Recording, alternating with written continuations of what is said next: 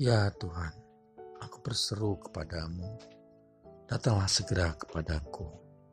Berilah telinga kepada suaraku waktu aku berseru kepadamu. Biarlah doaku adalah bagimu seperti persembahan ukupan dan tanganku yang terangkat seperti persembahan korban pada waktu petang.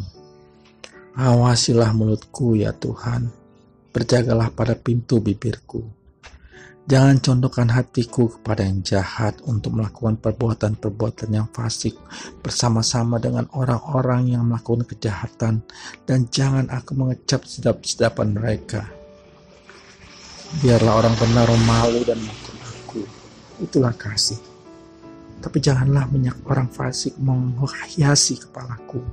Sungguh aku terus berdoa menentang kejahatan-kejahatan mereka apabila mereka diserahkan kepada hakim-hakimnya, maka mereka akan mendengar bahwa perkataan-perkataanku menyenangkan. Seperti batu yang dibelah dan dihancurkan di tanah, demikianlah akan berhampuran tulang-tulang mereka di mulut dunia orang mati.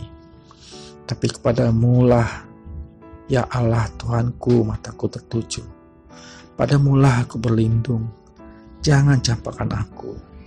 Lindungilah aku terhadap katupan jerat yang mereka pasang terhadap aku dan dari perangkap orang-orang yang melakukan kejahatan.